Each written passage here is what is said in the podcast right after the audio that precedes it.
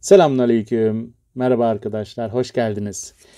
İnşallah sizlere bugün hastaneyi anlatacağım. Hastanenin oluşumunu, İslam tarihindeki hastanenin yerini inşallah. Ee, bildiğiniz üzere bu bilgilerin hepsini şu ana kadar İslam Düşünce Atlası'ndan almış olduk. Ee, güzel bir kaynaktır. Herkese tavsiye ederim. Online olarak okuma imkanınız da var okuma imkanınız yoksa buradan da bizleri takip ederek içeriklerini öğrenebilirsiniz inşallah. Evet hastane arkadaşlar. Sağlık hizmetlerinin sunulduğu mekan olan hastane için İslam toplumunda Bimaristan, Maristan, Darüşşifa, Darus Sıha, Darul Afiye, Darul Merda, Şifaiye, Bimarhane, Şifahane ve Tımarhane gibi isimler kullanılmıştır. İslamiyet'in doğduğu dönemde Mısır, Yunan, Pers, Hint ve Çin gibi medeniyetlerde sınırlı sayıda hastane bulunmaktaydı. Hekimler saraylarda ve kendi evlerinde sağlık hizmeti sunmaktaydılar. Hazreti Peygamber'in kurucu hekimlik ve hastanın bir tabibe görünmesine ilişkin öğütleri savaşlar esnasında yaralıların tedavisinde itina göstermesi gibi örnekler Müslümanların tıp ilmine ve sağlık konusuna ehemmiyet gösterdiklerine işaret eder. Halifelerin özel hekim edindikleri Emeviler döneminde tabiplerin sayısı ve tedavi imkanları artmıştır. Ancak İslam dünyasında gerçek anlamda bir hastanenin varlığı Abbasi halifesi Harun Reşit zamanına tekabül eder. Yani 786-809 yılları arasına. Said ve Reşit isimleriyle anılan 790'da inşa edilen bu hastanenin başhekimliğini Cebrail bin Buhtişu yürütmekteydi. Abbasi devletinde halifeler, halife eşleri, vezirler ve emirler başta olmak üzere önde gelen kimseler tarafından vakıf statüsünde çok sayıda hastane inşa edilmiştir. Bu anlayış Abbasilerin çağdaşı diğer İslam ülkelerinde de yaygınlık kazanmıştır. Mısır'da Ahmet bin Tolu'nun ve İşşidi veziri Gafur'un yaptırmış oldukları hastaneler buna örneklik teşkil eder.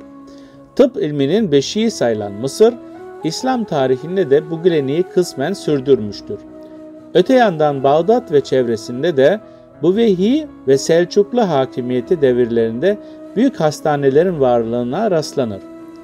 Adudut Devle'nin 981 yılında 100 bin dinara mal ettiği Bağdat'taki hastanesi devrin en meşhur hastanesiydi.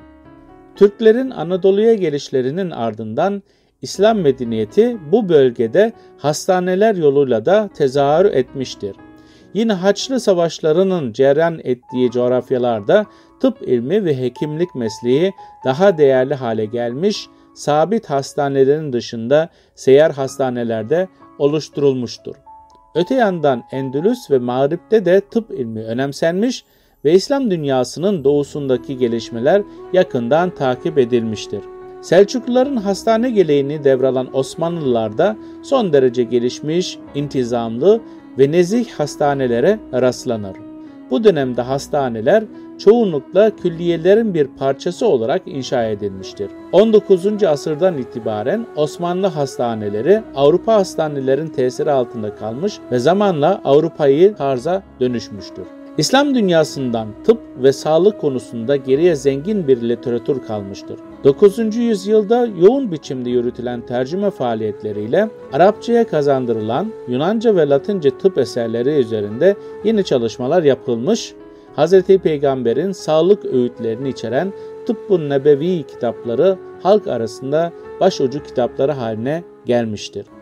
Bunların dışında İslam dünyasında yetişmiş ünlü hekimlerin biyografilerini içeren ve dönemin sağlık hizmetleriyle ilgili ayrıntılı bilgiler veren tabakat kitapları, hekimlerin uyması gereken kuralları ve tıp ahlakını da ele alan edebüt tabip eserleri, hastalıklar ve tedavi yolları, anatomi ve cerrahi müdahaleleri ihtiva eden müstakil çalışmalar, ilaç yapımı ve tedavide kullanılmasına dair Saideli adında eczacılık kitapları kaleme alınmıştır.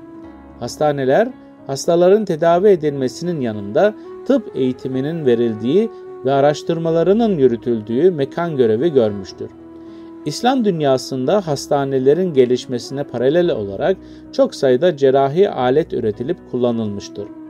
Bu hastanelerde ilaç tedavisinin yanı sıra cerrahi müdahaleler de bulunuluyordu. Bazı hastanelerde ise akıl hastaları doğal bir ortamda tedavi edilmeye çalışıyordu. Ayrıca hamamlar ve kaplıcalar da sağlık açısından önemsenip üzerine durulan mekanlardı.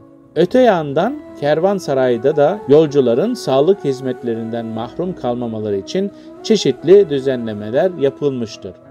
İslam dünyasında yoğun ve yaygın biçimde bulunan hastanelerin başlıca özelliği vakıf çatısı altında ayrım gözetmeksizin herkese hizmet sunan birer hayır kurumu olmalarıdır. Evet arkadaşlar, bugün sizlere hastanenin gelişimi üzerinde bir sunum yapmaya çalıştık. İnşallah bir dahaki konumuz İslam dünyasındaki ilk İslam filozofu ve Meşayi okulunun kurucusu Elkindi'dir. Bir sonraki dersimizde görüşmek üzere. Sağlıcakla kalın, Allah'a emanet olun. Selam ve dua ile.